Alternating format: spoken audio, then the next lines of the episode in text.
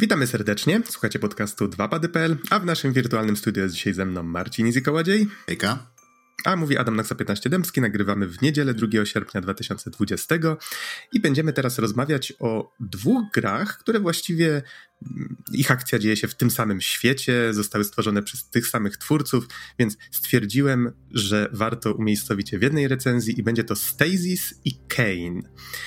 E, dwie przygodówki point and click, jeszcze nim przejdziemy do samej recenzji, to już nową świecką tradycją przypomnę, że zachęcamy do tego, żeby odwiedzać naszą stronę 2pady.pl, y, żebyście dzielili się feedbackiem na temat podcastu, co wam się podoba, co wam się nie podoba, czy to na naszym Facebooku, czy na Twitterze, czy na naszym YouTubie, na którego wrzucamy odcinki również w tym samym czasie, mm, co we wszystkich innych miejscach, czyli tutaj mam przede wszystkim na myśli właśnie aplikacje oparte na RSS-ie. Y, jesteśmy na Spotify, jesteśmy na Apple Podcast.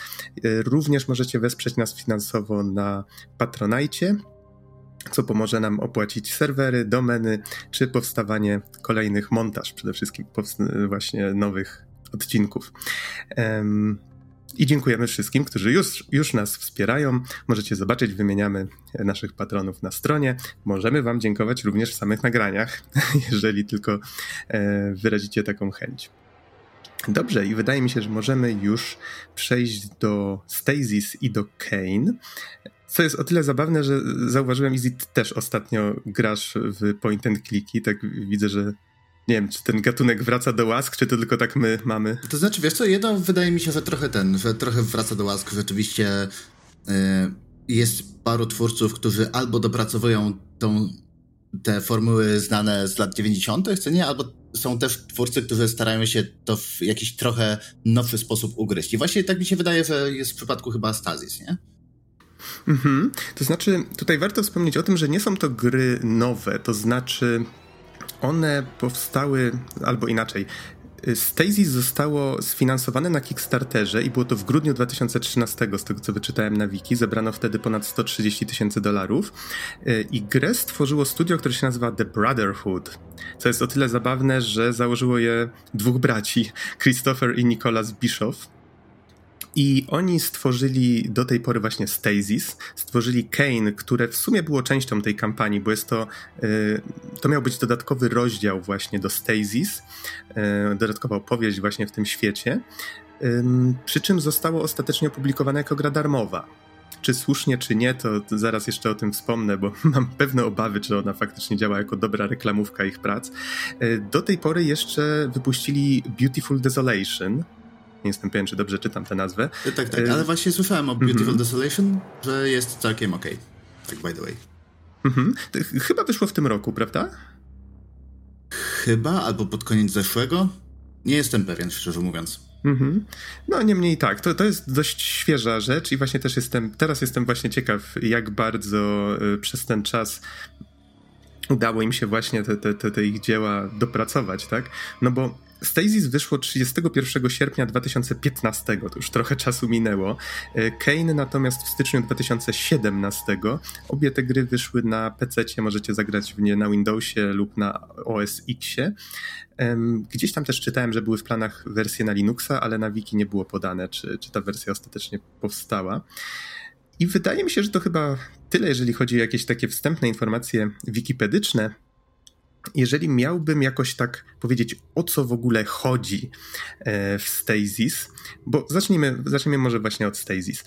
Jest to właśnie przygodówka point and click w konwencji horroru, co już samo w sobie wydało mi się dość interesujące, no bo raczej przygodówki point and click to jest takie, y, taki gatunek, w którym chyba ciężko człowieka straszyć w jakiś konkretny sposób, prawda? Tak, przeważnie to są takie bardziej thrillery, bym powiedział, nie? Że trzymają w napięciu, że rzeczywiście rozwiązujemy jak, jakąś, jakąś zagadkę, czasami nawet związaną z morderstwem, ale nie, w niezbyt dużej ilości przygodówek można zginąć, nie? Czasami to może być w formie żartu, tak jak w Małpiej Wyspie trzeba było 15 minut pod wodą spędzić, żeby zginąć i to była jedyna okazja.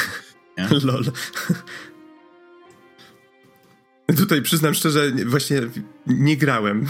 Y, Nadal nie grałem, więc to jest taki zabawny ten, fakt. To jest taki running joke, że Guybrush y, Tripwood zawsze się chwali, że o, jestem Guybrush Tripwood, jestem piratem i potrafię wstrzymać oddech na 15 minut. I no, to jest prawda. Dobre. Dobra, nie wiedziałem o tym. Fajna ciekawostka. No tak, z tymi śmierciami to w ogóle to jest trochę osobny temat. Można by sięgnąć trochę w przeszłość, bo pamiętam, że nie, w niektórych grach było to krytykowane właśnie, że powiedzmy można zginąć w tych przygodówkach tak z nienacka i, i, i na przykład mogliśmy nie zapisać gry, a, a niektóre z tych gier wręcz ostrzegały, jeżeli skoczysz w tę przepaść, to na 100% zginiesz, tak? I gracze i tak skakali. E, Niemniej tutaj w Stasis twórcy jakby podeszli do tego na zasadzie, że ok, to jest jeden ze sposobów, w jaki budują nastrój, czyli że da się w tej grze faktycznie zginąć. Co prawda gra cofa nas tylko kawałeczek do tyłu, więc nie psuje nam to niczego, ale jest to jakby integralna część gry, że, że zawsze istnieje tutaj ryzyko, że uśmiercimy bohatera w jakiś sposób. Mm, Sama akcja dzieje się na sta olbrzymim statku kosmicznym. Mamy takie bardzo fajne intro, które tak powolnie wprowadza właśnie kamerę, pojawiają się napisy, um, kto stworzył grę i, i właśnie widzimy ten statek sunący przez przestrzeń. Jest to statek, który został zaadaptowany do celów badawczych. Są tam różne laboratoria, o czym się zresztą wkrótce dowiadujemy. Statek nazywa się The Groom Lake i wcielamy się w postać, która się nazywa John Marachek i jest to osoba, która budzi się właśnie z tej tytułowej stazy, czy można by to określić jako coś w rodzaju hibernacji e, na tym statku. Widzimy, że jest tam dużo innych właśnie słojów, nie słojów, jak to jakoś inaczej e, określić? Kapsuł hibernacyjnych? Kapsuł, tak, to o wiele lepsze określenie, zgadza się. Jest tam dużo tego, więc prawdopodobnie nie jesteśmy jedyni, ale na tym statku nikogo nie ma. Więc bohater nie widzi ani obsługi, ani właśnie nikogo żywego poza sobą, przez pewien czas przynajmniej, i szuka tam swojej żony i córki, bo pamięta, że właśnie razem z nimi zasypiał w tej stazie, więc gdzieś powinny być, ale obudził się w miejscu, którego nie zna. Jest to dla niego zupełnie jakaś sytuacja taka niespotykana. No i na tym statku jest wiele właśnie dowodów jakichś makabrycznych pozostałości czegoś, co się kiedyś tam wydarzyło, tak? E, więc naszym celem jest przede wszystkim dowiedzieć się, co się tam stało, znaleźć rodzinę, no i wydostać się z tego Groom Lake jak najszybciej. I to, co jest właśnie fajne w, tym, w tej historii, to to, że to jest taki może, taki może... Hmm, schemat typowo horrorowy, czyli że mamy prostego człowieka w bardzo niesprzyjających okolicznościach, warunkach, bo John nie jest wcale jakimś komandosem, to jest po prostu zwykły, prosty człowiek, tak, który nagle się znajduje w bardzo stresującej sytuacji. I fajnie, że aktor, który się w niego wciela, Ryan Cooper, bardzo fajnie oddaje głosem. Czy to stres tego Johna, czy właśnie jakiś niepokój, jak widzi różne rzeczy, y, jakąś próbę panowania nad sobą. Całkiem nieźle mu to wychodzi. W grze jest jeszcze kilku innych aktorów, ale wydaje mi się, że Ryan właśnie jakoś tak wybił się na ich tle. E, zapadł mi w pamięć, tak? A... Ma dość charakterystyczny głos. To jest. E, jest pełny voice acting, czy tylko wybrane dialogi? Mm, z tego co pamiętam, to chyba pełen. Hmm, nice. Tak, jest dużo notatek, które znajdujemy, jakichś takich y, logów właśnie, które są pozostawione przez powiedzmy załogę, no i one nie są. Y, tam, tam nie ma już aktorów ale kilka właśnie takich kluczowych postaci, które faktycznie rozmawiają ze sobą w jakiś tam sposób, to, to tak, to, to tutaj mamy już w pełen voiceover. I jeżeli chodzi o jakby ocenę fabuły jako takiej, to historia początkowo bardzo fajnie buduje nastrój, to znaczy nie dzieje się zbyt wiele, jak w każdym dobrym horrorze, i dopiero później atmosfera się zagęszcza, Twórcy na kilka różnych sposobów właśnie starają się uzyskać ten efekt. Jeden z nich już opisałem, czyli właśnie to, że można tutaj zginąć. Jest sporo tych animacji śmierci i jedyny problem, jaki z tym mam, to że w jednym kluczowym momencie gry twórcy popełniają poważny błąd, dają nam ograniczony czas na reakcję, co już samo w sobie fani przygodówek point and click bardzo tego nie lubią, wcale im się nie dziwię.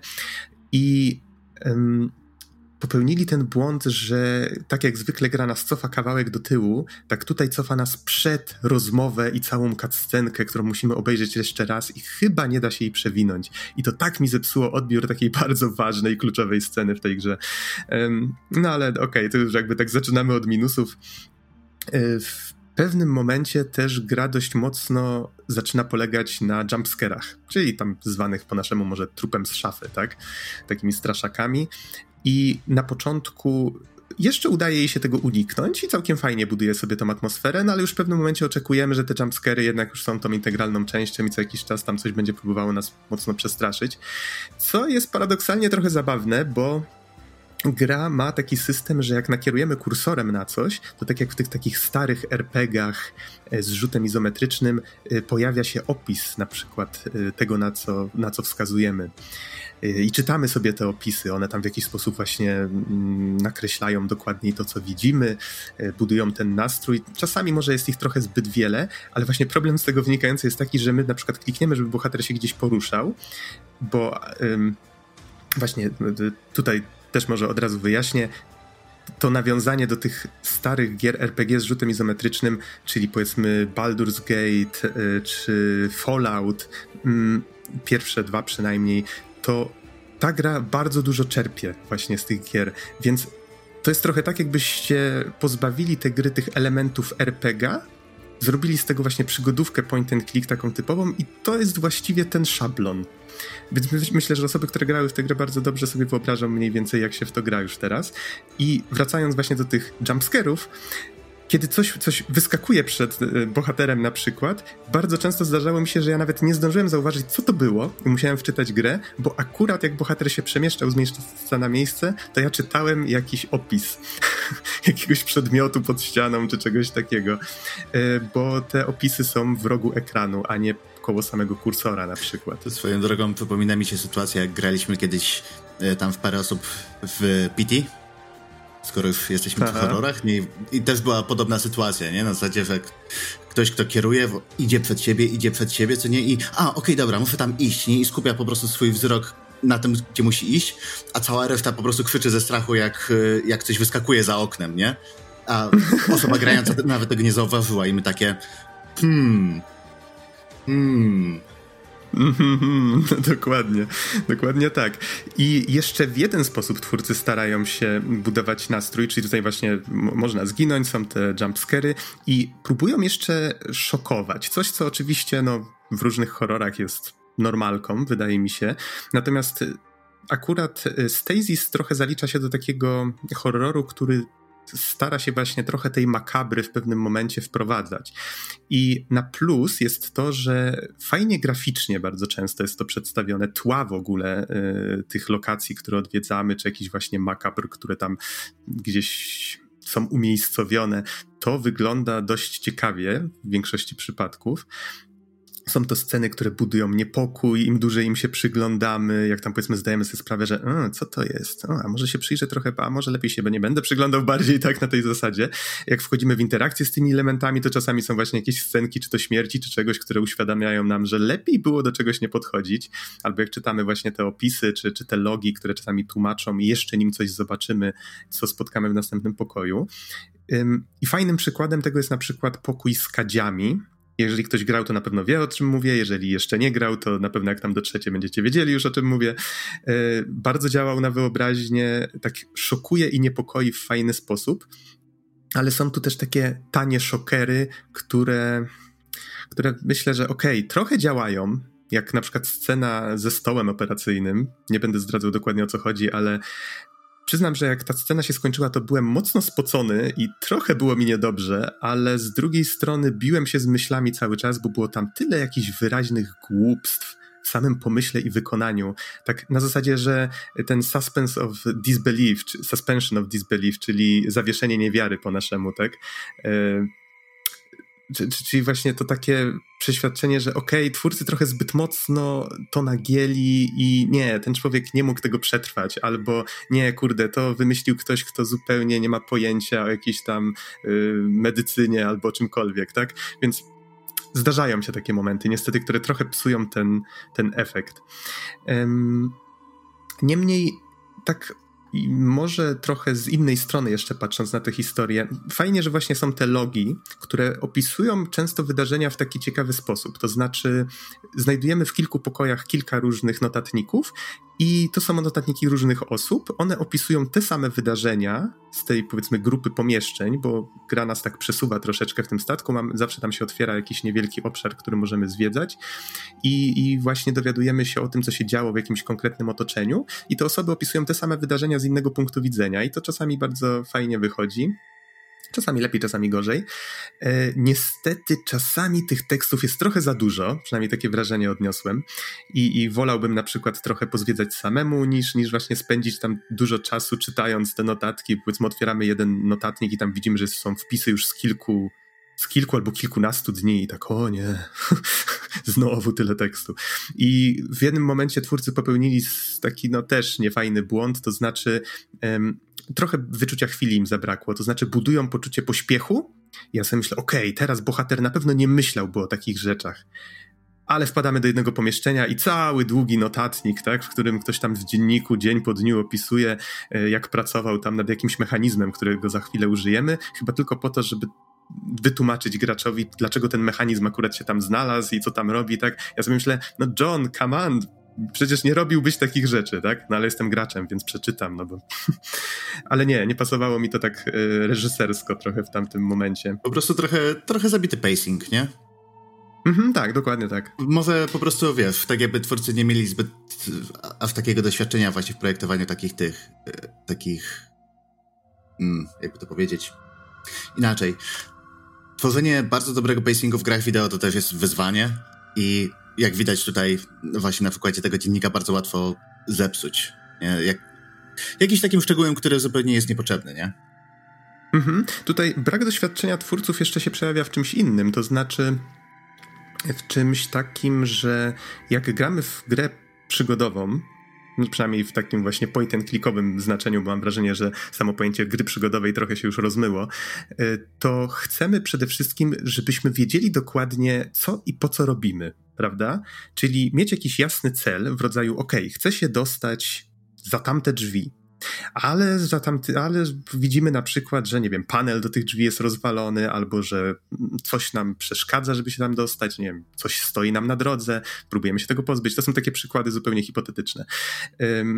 W przypadku Stasis jeszcze nie jest aż tak źle, chociaż też nie jest najlepiej. Zdecydowanie gorzej twórcom to wyszło właśnie w Kane, ale jest tu tyle nieintuicyjnych problemów, jak to ktoś ładnie określił w jakiejś recenzji na Steamie, e, właśnie ktoś to opisał jako coś takiego, że klikamy w różne rzeczy nie po to, żeby znaleźć rozwiązanie problemu, tylko żeby znaleźć problem do rozwiązania. Bardzo mi się to określenie spodobało, bo często nie wiedziałem, czego twórcy ode mnie oczekują, tak? Myślę sobie, okej, okay, ta postać chce się stąd wydostać, to jest naturalne, ale dlaczego akurat chcę, żebym poszedł w tę stronę, albo dlaczego akurat muszę grzebać w tym panelu, albo na przykład zniszczyć tam jakiś element mechaniczny. Y, po co ta postać to robi, tak? Postać mogłaby chociaż od czasu do czasu odezwać się, tak do siebie, chociaż sama, żeby wytłumaczyć graczowi, co jej chodzi po głowie, tak? I wydaje mi się, że to naprawiłoby bardzo dużo rzeczy w tej grze. Y, często zdarzało mi się utknąć w jakiś taki sposób, że wypróbowałem wszystko na wszystkim, żeby znaleźć właśnie jakieś rozwiązanie, albo żeby właśnie domyślić się, co zrobić dalej. Bo nagle się okazało, że dwa przedmioty, które zupełnie wydawały mi się niepołączone ze sobą, nagle się łączyły. Ja tak sobie myślę, aha, to oni pewnie chcą, żebym teraz z tym zrobił tamto. I to mi się wydaje jest to nie świadczy zbyt dobrze o, o point and clicku, prawda? Jeżeli takie rzeczy tak, występują. Chociaż powiem ci, że Mm, inaczej, że nawet bardzo duże serie, które, które są teraz znane na całym świecie i są, wiesz, mega poważane w, w, w branży, to znaczy w branży, w niszy, nie, też niektóre z nich się nie uchroniły od takich, od takich y, zagadek, nie? Tak jak wspominałem ci ostatnio, jak gadaliśmy o zagadkach w Broken Sword i wprowadzenie zagadki, która y, wprowadza mechanikę tylko na jeden e ekran, czy nie? Albo y, The Longest Journey to było? Nie, nie, pamiętam, w której przygodówce to było, ale trzeba -hmm. było wyciągnąć, coś spadało w okolicach torów i trzeba było wziąć jakiś, nie wiem, jakąś rurkę, jakąś żyłkę, gumę do rzucia, yy, magnes, tą yy, gumową kaczuchę i coś jeszcze. Tak, to na pewno było The Longest Journey, bo pamiętam, że to chyba był jeden z momentów, kiedy musiałem sięgnąć po solucję. Tak, to było tak głupie, boże, nie? I rozumiem yy, inaczej czasami rzeczywiście zagadki potrafią być trudne, tylko właśnie szkoda, że czasami są, trud, są niepotrzebnie trudne i są takie nielogiczne, są głupie po prostu, nie? Y, tutaj znowu wrócę do Małpiej Wyspy. Wybacz, że tak ten, że znowu taki tangent off-topicowy, ale wrócę do, do Małpiej Wyspy. Tam właśnie w pierwszej części yy, tam śmieją się z przygodówek, nie? Więc tam, są, tam jest rzeczywiście jedna zagadka, która mówi ci, że masz zebrać jakieś, jakieś takie rzeczy, których nie jesteś w stanie ogarnąć na statku, co nie na środku morza. Typu, nie wiem, sprasowana ludzka czaszka. I tam to ma sens, bo wiemy, że to jest głupi żart i na przykład ściągamy sprasowaną ludzko, ludzką czaszkę z pirackiej flagi, którą mamy zawieszoną na mafcie. Nie? I to, to jest wtedy fajne i powiedzmy, że pasuje do świata, co nie pasuje do logiki świata, nawet jeżeli tej logiki tam nie ma. Nie? Ale jak, jak gracz jest zmuszony do tego, żeby próbować klikać wszystkimi przedmiotami między sobą albo korzystać, robić podejście pod tytułem wszystko wszędzie, to, no, no to mamy po prostu problem z designem. Mhm. To może, żeby dopiąć, bo jeszcze tutaj będę wrzucał troszeczkę takich minusów w przypadku Kane, ale żeby może już dopiąć kwestię samego Stasis yy, i jakby samej fabuły, to wydaje mi się, że tak koniec końców Niestety ta historia nie uniknęła pewnych sztamp, zaintrygowała mnie na początku, potem jakby pojawia się dużo takich wątków pobocznych właśnie związanych z różnymi częściami tego statku, które ogólnie nie mają większego znaczenia w ogólnym zarysie, a całość kończy się dość filmowo, ale bez jakichś większych rewelacji. Więc historia jakby była ok, jakbyście potraktowali to jako taki film klasy B, który fajnie sobie kiedyś tam obejrzeć, to okej, okay. ale, ale raczej nie oczekujcie jakichś wielkich rewelacji, tak? O mechanice tutaj za dużo chyba nie ma co opowiadać, no bo tu właśnie zbieramy przedmioty, łączymy je.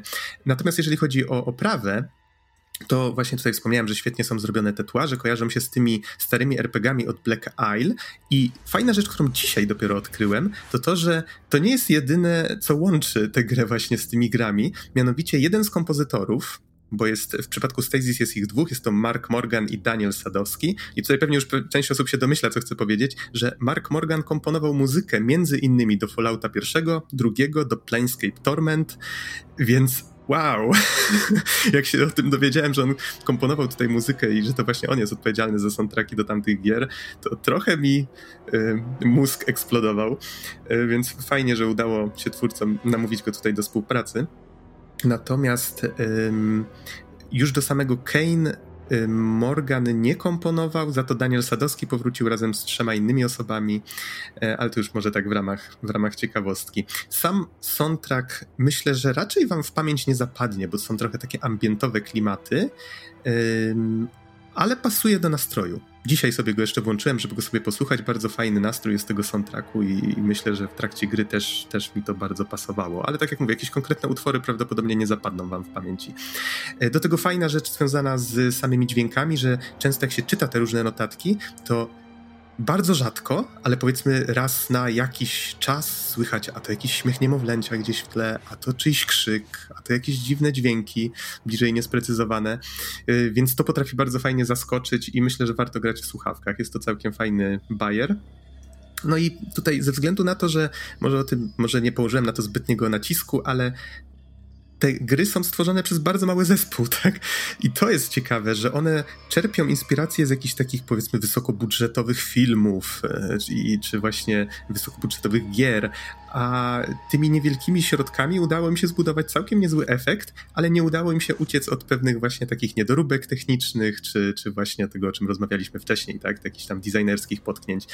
E, I w przypadku na przykład niedoróbek technicznych to są takie rzeczy, że gdzieś tam powiedzmy tła, a postać trochę ze sobą nie grają, powiedzmy klikamy na jakiś panel i postać podchodzi do tego panelu i widzimy, że trochę nachodzi na ten panel, więc jakieś takie drobne właśnie techniczne niedoróbki.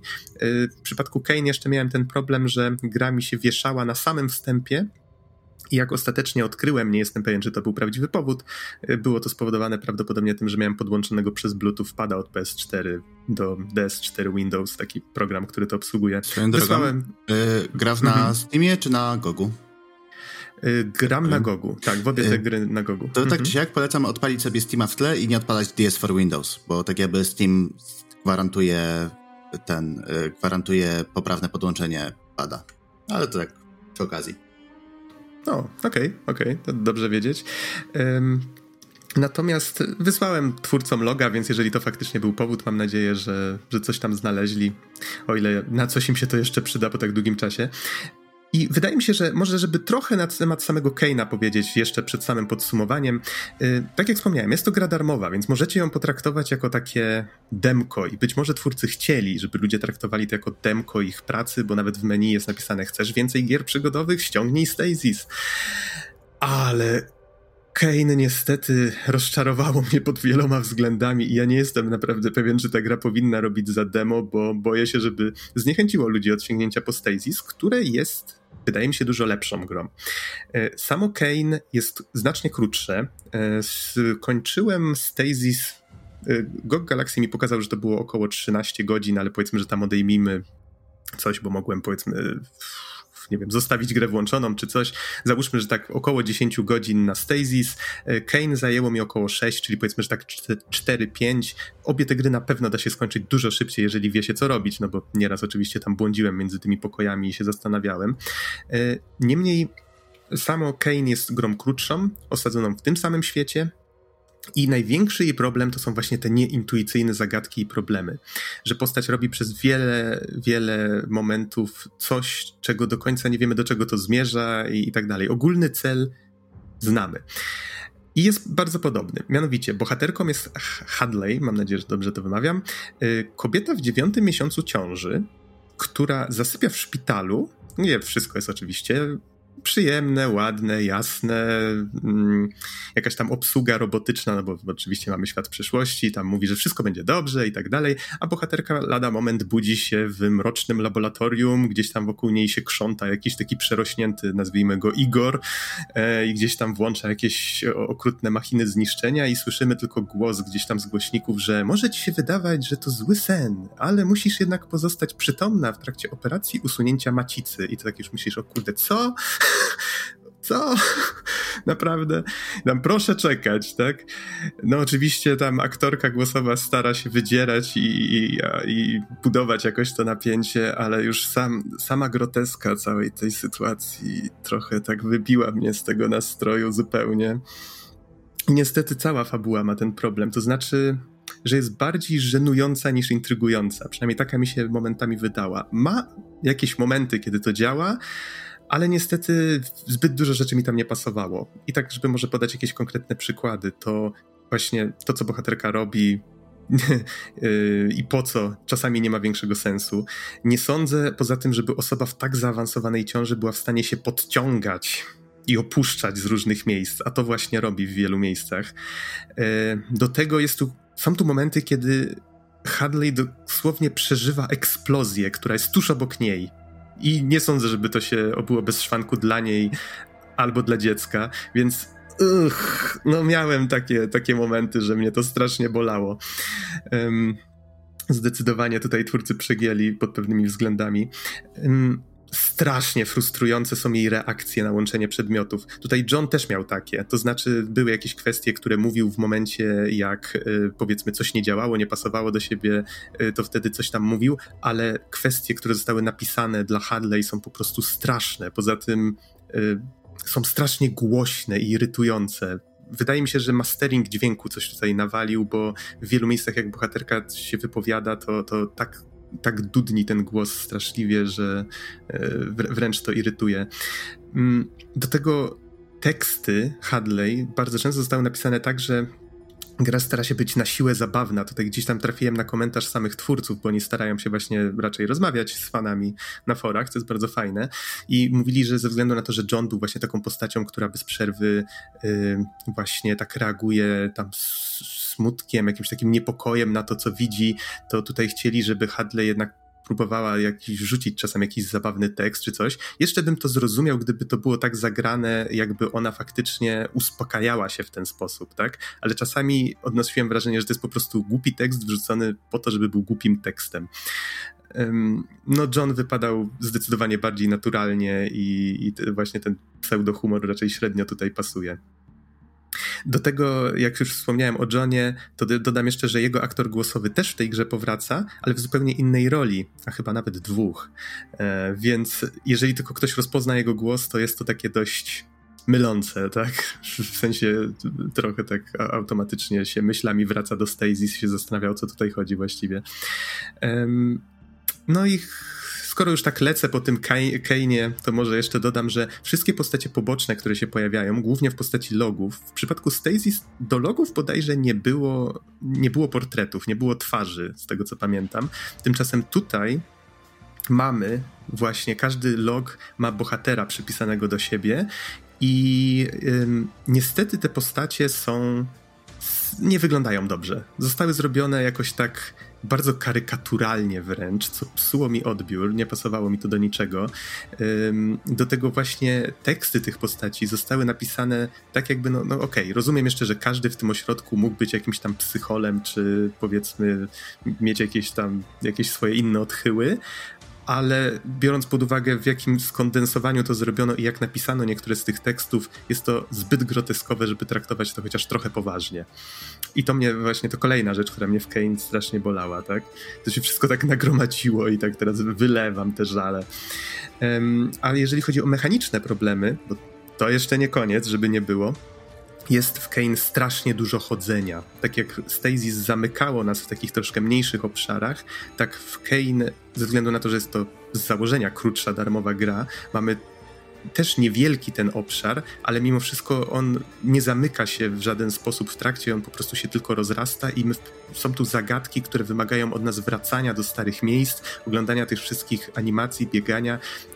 Jest tutaj jedna postać, z którą rozmawiamy y, i te rozmowy potrafią się toczyć w trakcie tego poruszania się, więc to okej, okay, trochę zabija czasami ten, ten czas, no ale nie, nie ukrywam, że było to raczej irytujące, tak? Czasami zdarzało mi się zapisać grę w jednym miejscu, zapisać grę w drugim miejscu i właśnie wczytywać się raz tutaj, raz tutaj, żeby po prostu zobaczyć pewne rzeczy, które były mi potrzebne do rozwiązania zagadki. A, więc no tak, to, to jest to. No i w Kane właśnie raz zdarzyło mi się też zajrzeć do solucji, tylko i wyłącznie dlatego, że nie, nie dlatego, że nie wiedziałem co zrobić, tylko właśnie dlatego, że nie chciało mi się znowu zbierać wskazówek, które wiedziałem, że gdzieś tam są, tak? Czy tam po notatnikach, czy ty, ty w podobnych miejscach I, i po prostu nie chciało mi się tego wszystkiego jeszcze raz przeglądać, po prostu sprawdziłem, do którego miejsca mam zajrzeć, żeby znaleźć tam jedną liczbę konkretną. No. Mm, wiesz co, to tak słuchając, y, słuchając twojej opinii na temat Kane, to trochę wydaje mi się jakby, bo y, to jest y, jeden z tych, tak jakby z tych stretch goli kampanii kickstarterowej, tak? Mm, z tego co widzę na Kickstarterze, tak, jest wymieniony jako jeden z. To brzmi celów. jakby, nie wiem, albo skończyły się fundusze, albo po prostu chcieli to wypchnąć. Może nie tyle jakby. O. Może nie tyle wypchnąć, nie? Bo to, to, to znaczy, wiesz co, tak patrząc... Niedobrze, ale to tak jakby mhm. właśnie y, albo się skończyły fundusze, albo po prostu już zabrakło trochę sił i trochę wypalenie, y, albo po prostu myśleli już nad kolejnymi projektami i no nie, przykuli do tego takiej uwagi, jaką powinni przykuć, żeby rzeczywiście to było coś fajnego. Mhm. Bardzo możliwe, że tutaj też kwestia czasu. Nie pamiętam dokładnie, chyba w jakimś wywiadzie mi mignęło, ale przepraszam, jeżeli nie jest to prawdziwa informacja, że nim ten Kickstarter wystartował, oni już pracowali nad tą grą chyba 3 lata, więc biorąc pod uwagę, kiedy gra wyszła, to chyba około 5 lat nad Stasis pracowali. A z kolei samo Kane Y, skoro wyszło powiedzmy tutaj Stacy 2015, a tutaj mamy styczeń 2017, no to z półtora roku tworzyli Kane, to jest nieporównywalnie mniej, tak? Mieli już oczywiście gotowy silnik, pewnie tam jakiś pipeline gotowy do asetów i tak dalej, no ale to, to nadal jest gra powiedzmy tam na kilka godzin, więc tego czasu poświęcili jednak dość mało, więc możliwe po prostu, że zabrakło im czasu potrzebnego na szlify. Jeżeli miałbym znaleźć jakiś plus dla, dla Kane, że dlaczego warto w to zagrać, to jeżeli spodobał wam się Stasis, no to jest tu trochę smaczków, właśnie trochę dla, dla fanów tego świata. I fani, fani, fani, tylko twórcy mówią, że z chęcią wrócą kiedyś jeszcze do, do tej historii, więc bardzo możliwe, że jeżeli będziecie chcieli zagrać w jakąś ewentualną kontynuację kiedyś w przyszłości, no to wtedy faktycznie poznanie obu tych gier prawdopodobnie będzie wskazane, tak? Hmm, no dobrze, to powiedz Easy, czy masz jeszcze jakieś pytania, czy już mogę zmierzać do podsumowania? Nie, wiesz co, wydaje mi się, że już odpowiednio tutaj nakreśliłeś o obu grach, więc chyba możemy zamykać tą recenzję. Okej, okay. to właściwie takie dwie recenzje w jednej. E, I tak jak wspomniałem, Promocja. przypomnę... Promocja, tak, tak jak e, już wspominałem, Stasis zajęło mi około 13 godzin, tak przynajmniej pokazywał mi GOG Galaxy. Na Kane było to około 6, e, więc to, to może komuś się przyda taka informacja. Tak może jak, jakby tu zacząć to podsumowanie. Właściwie doceniam to, co bracia Bischoff robią. W sensie oni starają się skupiać na fabule, starać się skupiać się na nastroju, yy, robić to raczej w, wykorzystując właśnie mechaniki z takiego gatunku, który troszeczkę już tam e, odszedł do lamusa, może, może za dużo powiedziane, ale, ale delikatnie odszedł na bok, więc to jest całkiem fajne niewielkimi środkami udaje mu się uzyskiwać całkiem fajne efekty. Zabrakło właśnie tego, żeby może, zwłaszcza w przypadku Kane, trochę tych testów na ludziach, tak, sformułowanie pasujące do tematyki tych gier, żeby zwiększyć intuicyjność tego, co się w tych, tych grach dzieje, tych problemów, które są przed graczem stawianych i tak dalej. To jest coś, co jest normalne w przypadku tworzenia gier i zdecydowanie takie focus testy, jak to się nazywa e, to no, powinno mieć miejsce, zwłaszcza w przypadku takich gier przygodowych, no bo tu jednak jak się tworzy coś bardzo długi czas, to te problemy są dla nas czymś zupełnie oczywistym, tak? Mm, sami wymyślamy te problemy, więc jakby nie zastanawiamy się, jakie problemy mogą mieć z tymi problemami osoby z zewnątrz. no i to, to właśnie dlatego takie rzeczy są potrzebne zdecydowanie w trakcie tworzenia takich gier. Ale chociaż są to takie raczej średniaki, mówiąc ogólnikowo, Stasis jest zdecydowanie lepszy, więc jeżeli chcecie wybrać, to, to wybierzcie Stasis. Mm, ale jeżeli miałbym komuś tę gry polecić, to zwłaszcza osobom, które szukają przygodówek point and click w konwencji horroru, bo to chyba nie jest zbyt częste zjawisko. Mm, obu tym grom daleko do ideału, ale mają swoje momenty i myślę, że pod pewnymi względami mogą wam się spodobać.